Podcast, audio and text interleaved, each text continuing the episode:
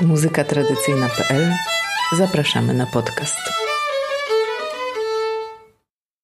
Witamy serdecznie i pięknie. Reprezentujemy zespół Pieśni Piękne. Julita Charytoniuk, Joanna Skowrońska i Olga Chojak. Chciałybyśmy przybliżyć temat pieśni pięknych od strony teoretycznej, naukowej, przyjrzeć się im jako gatunkowi czy kategorii folklorystycznej. Pojęcie to pojawiło się na początku XXI wieku, y, a jest używane przez y, środowisko zajmujące się badaniem i praktyką y, muzyki tradycyjnej. Zaprosiłyśmy do rozmowy osoby, które znają ten termin, używają go lub po prostu zajmują się wykonywaniem tego rodzaju repertuaru. Ze swojej strony mogę opowiedzieć o tym, jako o mojej przygodzie, o tym, że po prostu razem z koleżankami śpiewałyśmy pewnego rodzaju pieśni, które e, spotykałyśmy w terenie, nagrywając najstarsze śpiewaczki i potem razem sobie śpiewałyśmy te pieśni. To była na przykład Klaudia Niemkiewicz, Ewa Grochowska, Anna Psuty, Anna Pietrzkiewicz, Zosia Szyrajew. Oczywiście jeszcze wiele innych osób znało te pieśni i z nami śpiewało, ale w pewnym momencie zaczęłyśmy traktować te pieśni szczególnie jako taką osobną kategorię. Ewa Grochowska zajmuje się śpiewem tradycyjnym. Jest taka grupa, cała pieśni, które w drugiej kolejności są przedmiotem, czy były przedmiotem naszego zainteresowania, czyli takie pieśni, które e, nie mówią wprost dużo o jakiejś lokalnej kulturze muzycznej, nie są jakieś takie najbardziej typowe, często nie zawsze, ale często mają no, dość taki no taki biedny, taki naiwny ten tekst, w ogóle taką naiwną poetykę, ale za to mówią w sposób bardzo bezpośredni o bardzo takich gorących uczuciach, o uczuciach, które ja się śmieję, że wszyscy znamy, ale i wszyscy je mamy, ale nie wszyscy chcemy o tym rozmawiać, albo nie wszyscy się do nich przyznajemy. I my te pieśni nazywaliśmy kiedyś pieśniami odrzuconymi, w domyśle odrzuconymi przez badaczy, przez etnomuzykologów. Na pierwszy ogień e, w spotkaniu z dobrym śpiewakiem no szedł przede wszystkim ten repertuar e, archaiczny, najbardziej typowy, najbardziej charakterystyczny, najstarszy, najciekawszy repertuar obrzędowy, a te pieśni, właśnie te pieśni piękne czy pieśni odrzucone, bardzo często ulubione przez wiele śpiewaczek i śpiewaków, były gdzieś tam na samym końcu. Jak starczyło czasu, to się je nagrało. Z perspektywy czasu powiem tylko tyle, że to takie podejście było wielkim błędem. Nazywam się Klaudia Niemkiewicz i opowiem o pieśniach pięknych, zwanych kiedyś też odrzuconymi. Później zostały one nazwane pięknymi czy sentymentalnymi, co było mniej hermetycznym i mniej wewnątrzśrodowiskowym określeniem, a powstały już w dobie projektów i skierowane było do odbiorców tej twórczości. Ze względu na realizm i aktualność nowszych pieśni wzbudzają one w ich ludowych wykonawcach przeważnie większe emocje niż dawne pieśni obrzędowe, które nie kojarzą się współcześnie z żadnym funkcjonującym obrzędem. Ich wykonaniom towarzyszą więc autentyczne emocje, stąd pieśni e, zwane są pięknymi bądź sentymentalnymi. Jacek Hałas. Pieśni piękne to termin, który znam bardzo dobrze. Hmm, powiedziałbym nawet że uważam się za pradziadka tego terminu, ponieważ y, w 2007 roku mm, termin ten ukułem na potrzeby koncertu przygotowanego dla Baraku Kultury. Był to cykl y, polifonicznych wykładów na różne tematy i między innymi zostałem zaproszony w 2007 roku do wzięcia udziału y, w opracowaniu tematu piękno. I postanowiłem sięgnąć wtedy do repertuaru, który gdzieś pozostawał na obrzeżach kultury tradycyjnej. Przygotowałem koncert pod tytułem Pieśni Piękne, e, do którego zaprosiłem Basię Wilińską, Dorotę Grochowską i Beatę Oleszek. Potem on się pojawił jeszcze chyba ze dwa razy gdzieś, chyba na jednym z taborów w Szczebrzeszynie. Koncerty te są wspominane przez e, wiele osób, które dzięki nim zauważyły te pieśni e, i zapamiętały jako coś wyjątkowego. Jedną z tych pieśni zaśpiewali nam Dorota i Piotr Grochowscy.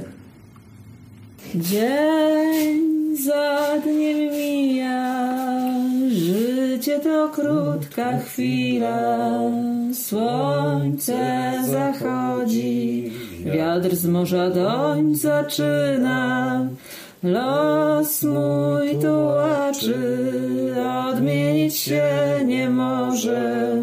Wiem, co to znaczy być kiedyś z kimś po sporze. Skarży się fala samotna na swój los, co ją do brzegu gna. Morze ma oczy wilgotne, woda zimna i słona jak łza. Chodzę po plaży, spoglądam tu i tam. Oczy błądzą po twarzach i ciebie, i ciebie mi brak.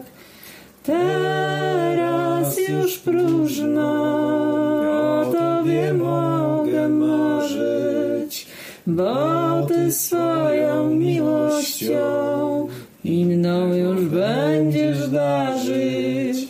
Skarży się fala samotna na swój los, co ją do brzegu. Ma oczy wilgotne, woda zimna i słona jak łza.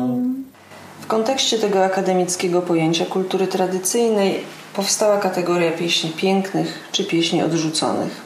Jest to repertuar zwany w etnomuzykologii lirycznym, czyli takim, który opowiada historię niezwiązanym z żadnym obrzędem ani momentem w roku. Tym różni się on od innych pieśni lirycznych, że jest stosunkowo nowy, przedwojenny z wpływami muzyki radiowej, znanych powieści czy kina oraz powojenny z wpływami pieśni masowej i kołchozowej. Rytmika tych pieśni jest często walczykowa bądź marszowa, podobnie jak cały repertuar powojenny uproszczona. Skale i linie melodyczne są durmolowe, bez modalności. Teksty dotyczą współczesnych historii, najdalej przedwojennych, jak pieśń o Stefci Rudeckiej i Waldemarze Michorowskim. W warstwie tekstowej mniej jest symboliki niż w dawnej liryce, więcej jest realizmu. Nie jest to zatem styl muzyczny ani czysty, ani archaiczny, ani szczególnie interesujący. Stąd też przez poszukiwaczy archaiki i przedstawicieli tej formacji intelektualnej, która stworzyła pojęcie kultury tradycyjnej, kategorie te czy ten, ten rodzaj estetyki musiał zostać odrzucony. Jeżeli miałbym jakoś zdefiniować to, to wydaje mi się, że mógłbym nazwać to undergroundem muzyki tradycyjnej, e, ale też undergroundem muzyki biesiadnej czy muzyki popularnej. Muzyki popularnej, ale nie w takim znaczeniu mainstreamowym, tylko e, w znaczeniu muzyki popularnej na wsi. No i też ciekawe jest, jak one w ogóle funkcjonują, te pieśni, no bo nie znajdziemy ich na przeglądach, absolutnie ich nie znajdziemy na żadnych przeglądach kultury in, ludowej, in crudo, tradycyjnej. E, one, tak jak już mówiłem wcześniej, one są w ogóle w undergroundzie. E, rzadko się pojawiają chyba też jako piosenki biesiadne, bo są zbyt za, za trudne chyba emocjonalnie. Tym bardziej nie pojawiają się w mainstreamie, bo są kiczem. Więc to jest rzeczywiście taki obszar hmm, bardzo osobisty i taki bardzo prywatny obszar kultury tradycyjnej, w którym one funkcjonują. No to tak znam to z opowieści, że tam panie śpiewaczki jadące na festiwal w Kazimierzu y, w autobusie śpiewają sobie oczywiście swoje ulubione pieśni piękne. Potem na scenie śpiewają to, co trzeba zaśpiewać.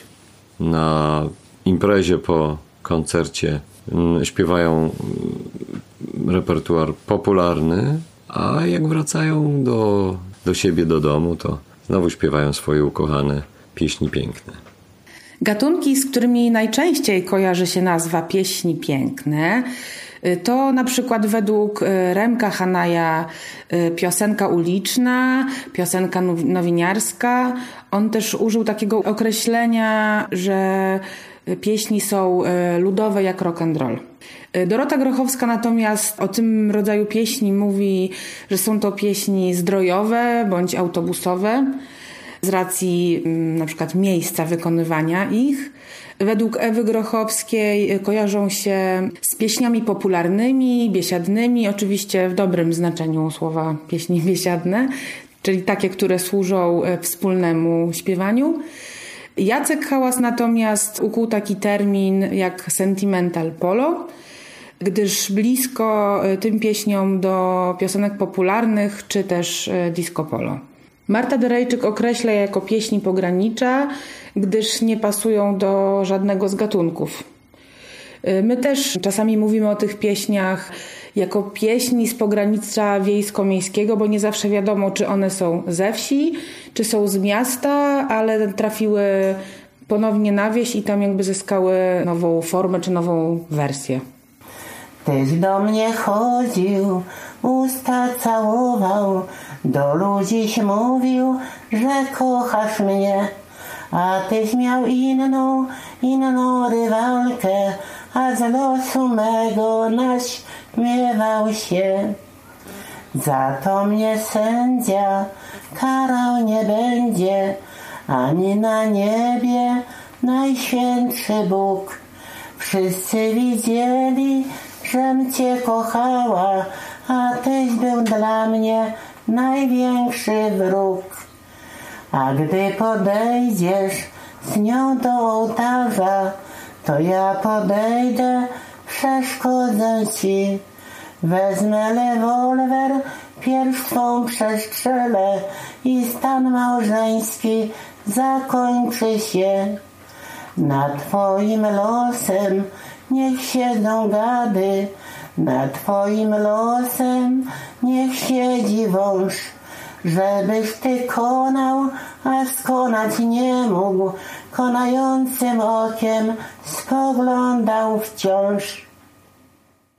Mówi Remigiusz Mazur-Hanaj. No, wyróżnik y, emocjonalny jest taki, że y, te pieśni tak dosyć y, bezpardonowo i można powiedzieć na skróty mm, torują sobie drogę do, do duszy słuchacza. E, reakcja powinna być natychmiastowa, mm, najlepiej. No one mają dużo wspólnego z takimi pieśniami w związku z tym nowiniarskimi czy takimi ulicznymi innymi, które, które się śpiewa w tej chwili, w tym momencie i, i trzeba na nie szybko reagować, wrzucić grosik, yy, postawić lajka i tak dalej. Jeśli chodzi o emocjonalny wyróżnik, to tu chyba jest prawda. Mam wrażenie, że te pieśni yy, są zawsze oparte na prawdziwej emocji. Czy to jest emocja związa związana z radością, czy to jest emocja związana ze smutkiem, czy ze strachem, czy z, z przerażeniem, to y, zawsze ona jest tam czytelna w tych wykonaniach. I to znowu jest trochę tak jak z kiczem, że emocja, czyli prawda i piękno w kiczu jest tak uzewnętrzniona, że aż groźna. Wywołuje przede wszystkim uśmieszek, śmiech. Chociaż gdzieś tam w głębi um, serca myślę, że każdy w jakiś sposób się utożsamia z, tym, z tą prawdą i z tym pięknem. Mówi Małgorzata Maciejewska, filozofka. Czyli wykładowczyni Gender Studies, pisze bloga, e, który się nazywa Wiązdro dyskursu.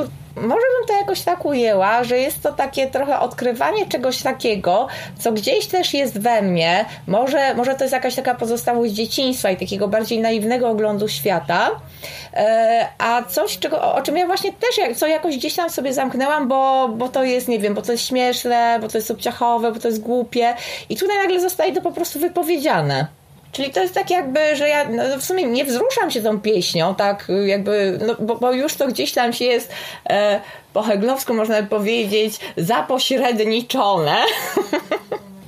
Prawda? Czyli e, no, u Hegla zasadniczo mamy coś takiego, że mamy jakąś taką jedną perspektywę i e, no to tam, jak ktoś się tam z Heglem styka, to czasami się to tak zamyka w takich trzech słowach. Teza, antyteza, synteza. Tak? Czyli, e, czyli jak powiedzmy dochodzimy, mamy jakiś tam ogląd sytuacji, czy jakąś perspektywę, to później zawsze się okazuje, że ona jest jakoś tam niepełna tak? I potrzebuje jakiegoś takiego swojego dopełnienia. I im bardziej się trzymamy tej jednej tezy, tym bardziej się okazuje, że ona jednak jest niepełna, a zatem fałszywa.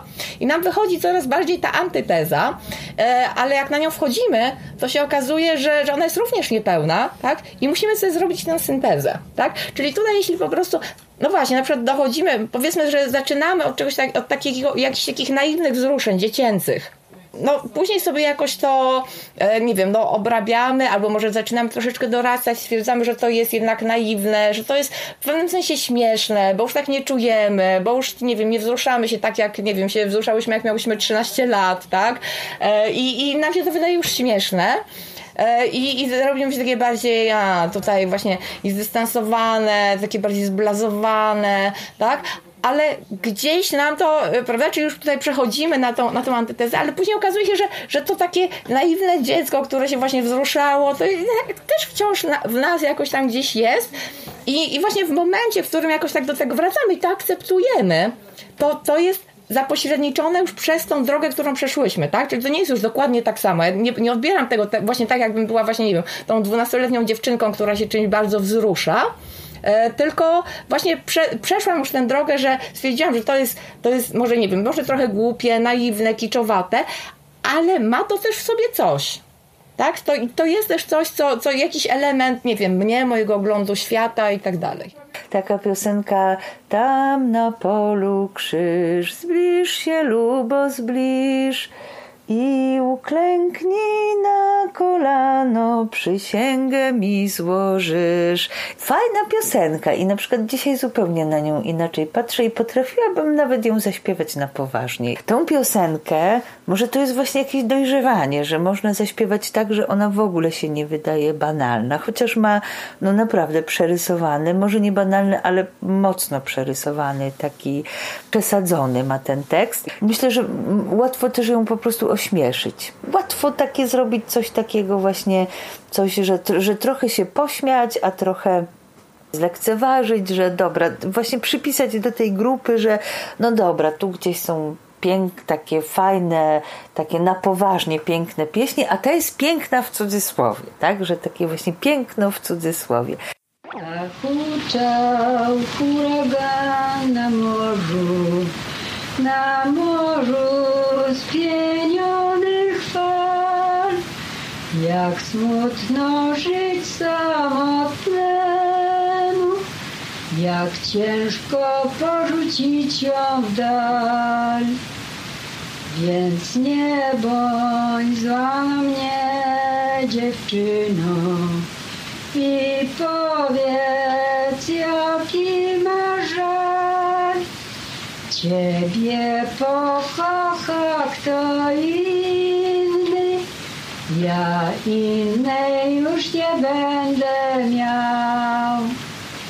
Czy pamiętasz to upojne tango, jak na lądzie bawiliśmy się? Tańczyłaś z dumną a nie wiesz, że smuciła mnie. Wyróżnikiem estetycznym pieśni pięknych jest po prostu piękno. I to piękno, które bliskie jest pięknu natury, a to znów jest na granicy kiczu, czyli ta estetyka dojmująco piękna, że aż yy, niebezpieczna. Boimy się trochę, wstydzimy się trochę takich, takich doznań estetycznych. Więc piękno, piękno, przede wszystkim piękno. Tutaj jest wszystko takie dosyć przemyślane, mimo że czasami tworzone intuicyjnie. W tych takich piosenkach, pieśniach popowych to jest wszystko tak dosyć, dosyć pragmatycznie pomyślane, żeby się podobało, żeby przez chwilę było fajnie, a potem każdy wraca do swoich spraw. Więc to poruszenie, które wywołują te pieśni piękne, ono może być oczywiście jakimś, jakimś dużym i, i ważnym dla kogoś i głębokim, ale raczej, raczej też ono samo w sobie jest konwencją pewną. W związku z tym, e, no jak to z konwencją, ona może jest narzędziem, czasami skutecznym, ale no, musi, musi troszkę złożyć ofiarę jakby i jednym i drugim. To, nie, to, to, to w związku z tym nie jest dzieło jakieś takie którym można powiedzieć, że jest wybitne, oryginalne, wyjątkowe, jakieś tak, tak jak mówiłem wcześniej o dziełach indywidualnych artystów, tylko jest pewnym swego rodzaju wyrazem jakiegoś takiego szlachetnie pojmowanego rzemiosła. Także mi się wydaje, że te pieśni powstawały e, gdzieś tak w takich okolicznościach i takich e, no, no tak. W estetyce pieśni pięknych pojawia się pewien zgrzyt, e, który jest też bardzo często odczytywany jako e, taka wyraźna cecha, e, jakaś niespójność. Możemy tu mówić o zachwianiu zasady dekorum, czyli odpowiedniości środków stylistycznych do treści, czyli na przykład postrzegamy pieśń jako zbyt patetyczną albo pewne słowa zbyt potoczne do tego, czym jest pieśń, albo melodia jest e, zbyt e, frywolna, albo wręcz przeciwnie, bardzo, bardzo e, posępna i poważna, natomiast słowa są w kategorii bardziej żartobliwej. W pieśniach tych jest bardzo duże pole do interpretacji i cały ciężar y, tego, jak pieśń zostanie zrozumiana, zasadza się właściwie na jego wykonaniu. Bardzo ważna jest tutaj zarówno emisja, jak i zaangażowanie emocjonalne śpiewaka, wykonawcy czy śpiewaczki. Widać to najlepiej y, na pieśniach bezpośrednio wyjętych z radia, zapożyczonych gdzieś z miasta które zyskują często zupełnie inny wymiar. Y, na początku były pieśniami żartobliwymi, wesołymi, rozrywkowymi nawet, a w wykonaniu na przykład śpiewaczek wiejskich brzmią jak ballada dziadowska lub rodzaj moralitetu. A był jeden, jeden, jeden, bardzo bieden, ofiarował a był jeden, jeden, jeden, bardzo bieden, bieden, bieden, ofiarował serca los. Panna mówi, nie zawadzi, jeśli Pan gdzieś zaprowadzi. Więc jeżeli Pani chce, piwa napijemy się.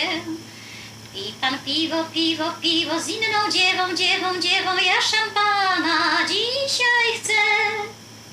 Gość w kieszeni miał koronę, więc opuścił piękną donę, a innego było stać, kazał jej szampana dać. No i miała, miała, miała to, co chciała, chciała, chciała, a że stała się rzecz ta. Małgorzatka, dziewczę młode, dziś straciła swą urodę. Z żalem tuli dziecię swe i nuci piosenkę tę. Tak to zwykle bywa, bywa, gdy szampana zamiast piwa jakaś małgorzatka chce. Tak to zwykle bywa, bywa, gdy szampana zamiast piwa jakaś małgorzatka chce. W próbach e, charakteryzowania e, gatunku pieśni pięknych nie sposób pominąć kategorii kiczu czy obciachu, które to pojawiają się właściwie we wszystkich wypowiedziach na temat tych pieśni. Staje się to bardzo szybko takim y, jednym z głównych wyznaczników, że jest to właśnie ten gatunek. Poza tym upodobanie w pieśniach y, pięknych jest upodobaniem dla kiczu. A kicz jest swego rodzaju rozgrzeszeniem, bo pozwala zbliżać się do zbanalizowania, strywializowania lub zwulgaryzowania pewnych form artystycznych. Kategoria kiczu pojawiła się równolegle z kategorią autentyczności, a nabrała znaczenia w XIX wieku. Autentyczność i kicz nawzajem się w sobie przeglądają, bo jak mówi Zontag, kicz jest procesem, w którym znika prawdziwość pewnej formy. Kicz objawia kłamstwo i pustość form, ponieważ jest udawaniem i nadmiarem. Kiedy jednak mamy do czynienia z takim wykonaniem kiczu, w którym wykonawca nie jest odklejony od dzieła, nie jest zdystansowany do niego, lecz autentycznie przeżywa utwór, mamy poczucie, że obcujemy z autentyzmem niejako wyższego rzędu. W obliczu kryzysu transcendencji w sztuce nowożytnej, w przypadku większości obiektów kultury, sposób potraktowania formy decyduje o ich wartości. Dlatego mierzenie się z oklepanymi formami staje się sprawdzianem autentyczności twórcy, tego, że może w oklepaną formę tchnąć prawdziwą prawdę. Wydaje mi się, że jest to też kwestia e, nie tylko taka jednostkowa, ale też e, społeczna. To znaczy e, różnie dorastamy w różnych, w różnych, że tak powiem, kręgach kulturowych, w różnych klasach społecznych. W każdym razie tak, jak spojrzymy na klasy, no to się okazuje, że ta różnica wrażliwości, tak, którą tak patrząc na przykład na, na naszą historię, ta, ta różnica wrażliwości występuje też w zależności od wykształcenia, czy w ogóle od tego, jakie mamy doświadczenia kulturowe. No i właśnie jest to tak, że, że te narzędzia kulturowe do, do tej interpretacji są dosyć nierówno rozłożone. No i, i właśnie to zupełnie inaczej, jeśli, jeśli przechodzisz w pewnym momencie przez e, jakieś takie, e, no może bardziej wyrafinowane, tak, czy trudniejsze e, sposoby odbierania kultury, to w pewnym momencie takie prostsze podejście wydaje ci się właśnie naiwne czy kiczowate. Tak? I to jest jakiś taki w pewnym, pewnym sensie analogiczny e, proces do takiego dojrzewania jednostkowego, tylko że tutaj właśnie wchodzi ta kwestia e, e, klasowa, tak? Dlatego, że, że ludzie z różnych środowisk mają do tego, mają różną możliwość, różny dostęp do, do tego rodzaju no, zasobów kulturowych. Ja bym nawet powiedziała więcej, że to jest jedno z narzędzi władzy.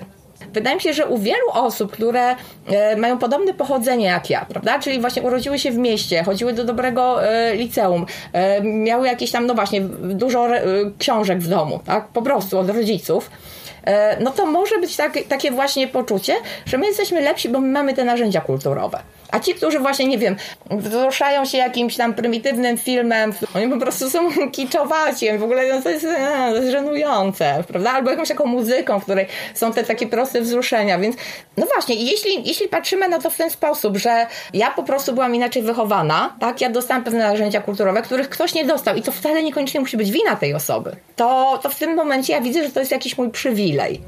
A, tu się pojawia jeszcze jeden aspekt. Aspekt tego, że jeśli mamy tę sytuację nierówności klasowych, które są oparte właśnie na tym czynniku estetycznym, nie tylko na czynniku ekonomicznym czy politycznym, to oczywiście ci, którzy są e, niżej w hierarchii, też zdają sobie z tego sprawę. Tak? E, że, że oni są właśnie ci mniej wyrafinowani, no bo im się to daje do zrozumienia, że oni są właśnie obciachowi, nie wiem, niekulturalnie i tak dalej. E, no a jeśli tak, to oni chcą też coś z tym zrobić. Prawda? Chcą się właśnie jakoś e, dokulturalnić, chcą być bardziej wyrafinowani. A ponieważ nie mają odpowiednich narzędzi, więc robią to w sposób, który jest jakoś tam nieporadny.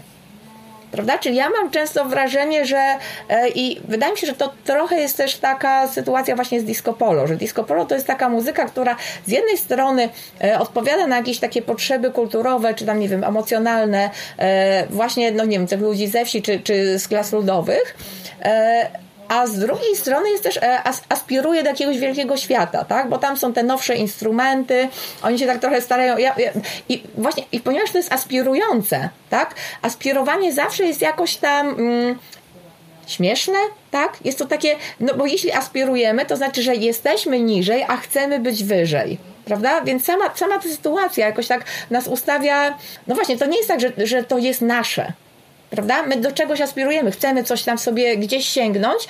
No i sytuacja oczywiście, ponieważ jest zdefiniowana przez tych, którzy mają w tym systemie władzę, więc e, jest to zrobione tak, żeby oni zawsze zawsze wychodzili e, kiczowato, żeby zawsze to wychodziło obciachowo kolonizatorzy z jednej strony starają się skolonizowanym nieść cywilizację, ale z drugiej strony ustawiają te warunki cywilizacji w ten sposób, żeby e, ci, których niby edukują, żeby ni nigdy nie doszli do tego e, poziomu, jaki zajmują biali, tak? Czyli ten e, skolonizowany ma zawsze się starać, zawsze powiedzą, o, jak na Araba czy jak na czarnego, to całkiem nieźle mówi po francusku.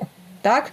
Ale, ale oczywiście nie ma takiej kultury jak my, nie ma takiej historii. No jest różnica, bo no nie wiem, na przykład mamy ten sam język, e, nie różnimy się fizycznie, więc tutaj myślę, że częściej się zdarza takie przekroczenie tych barier klasowych niż w sytuacji, kiedy na przykład no, jest różnica koloru skóry, który się od razu rzuca w oczy, ale jest to jakoś tam podobna sytuacja.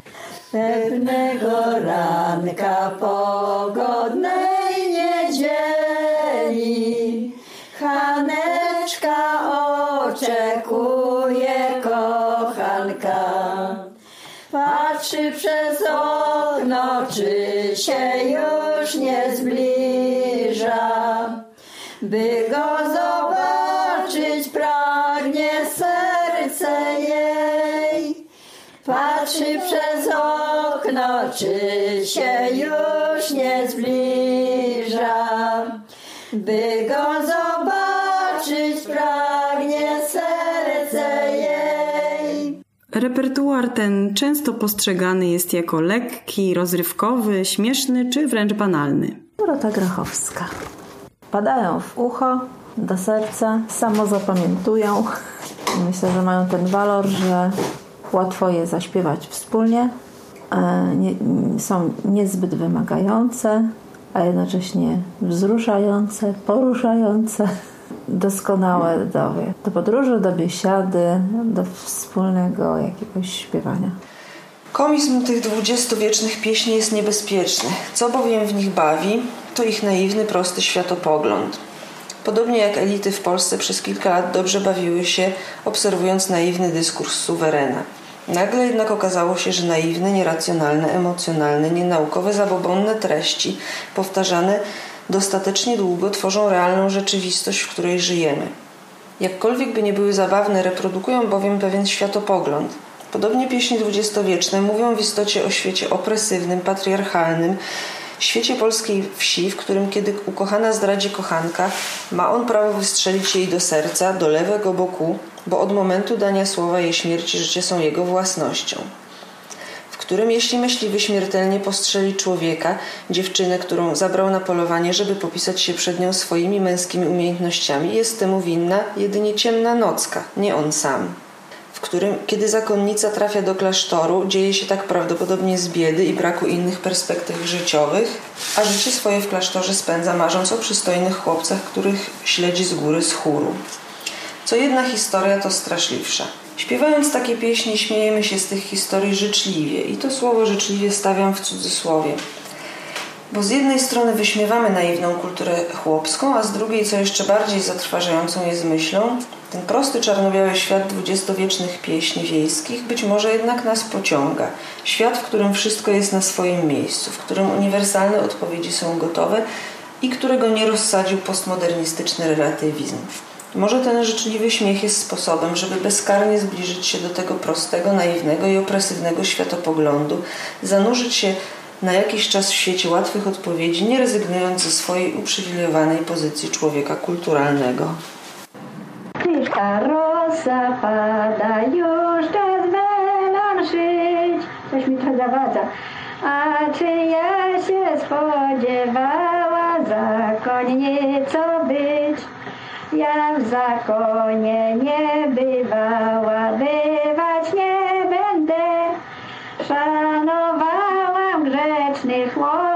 szanować będę. Bodaj Pan Bóg skarał ojca i matkę moją, że mnie dali do zakonu dziewczynę młodą. Poszła na kur, spojrzała na dół,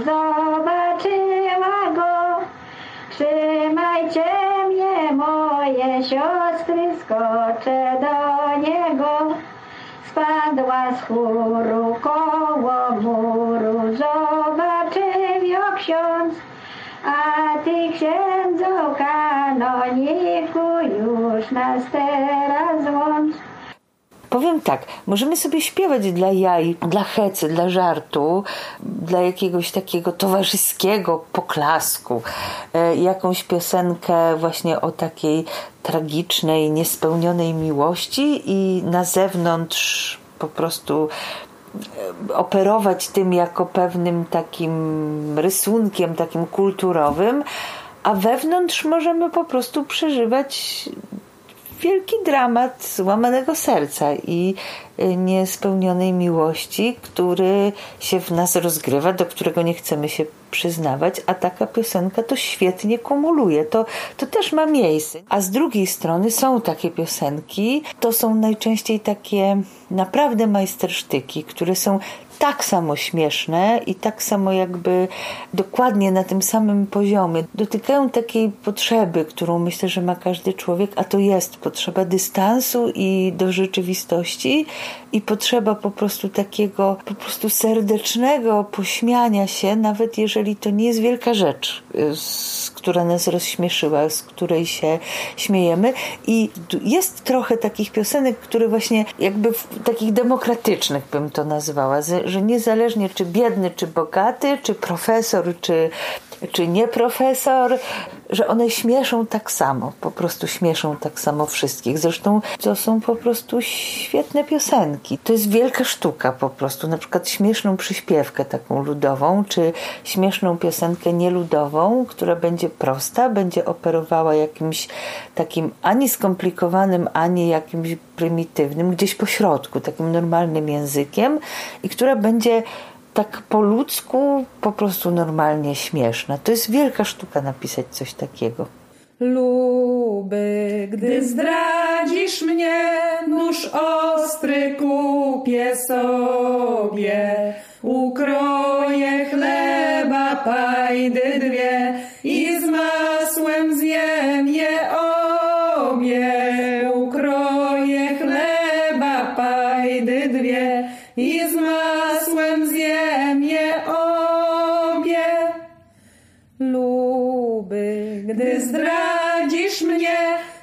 truciznę kupię sobie, a latem będę szczury truć, na zimę futro zrobię, a latem będę szczury truć, na zimę futro zrobię.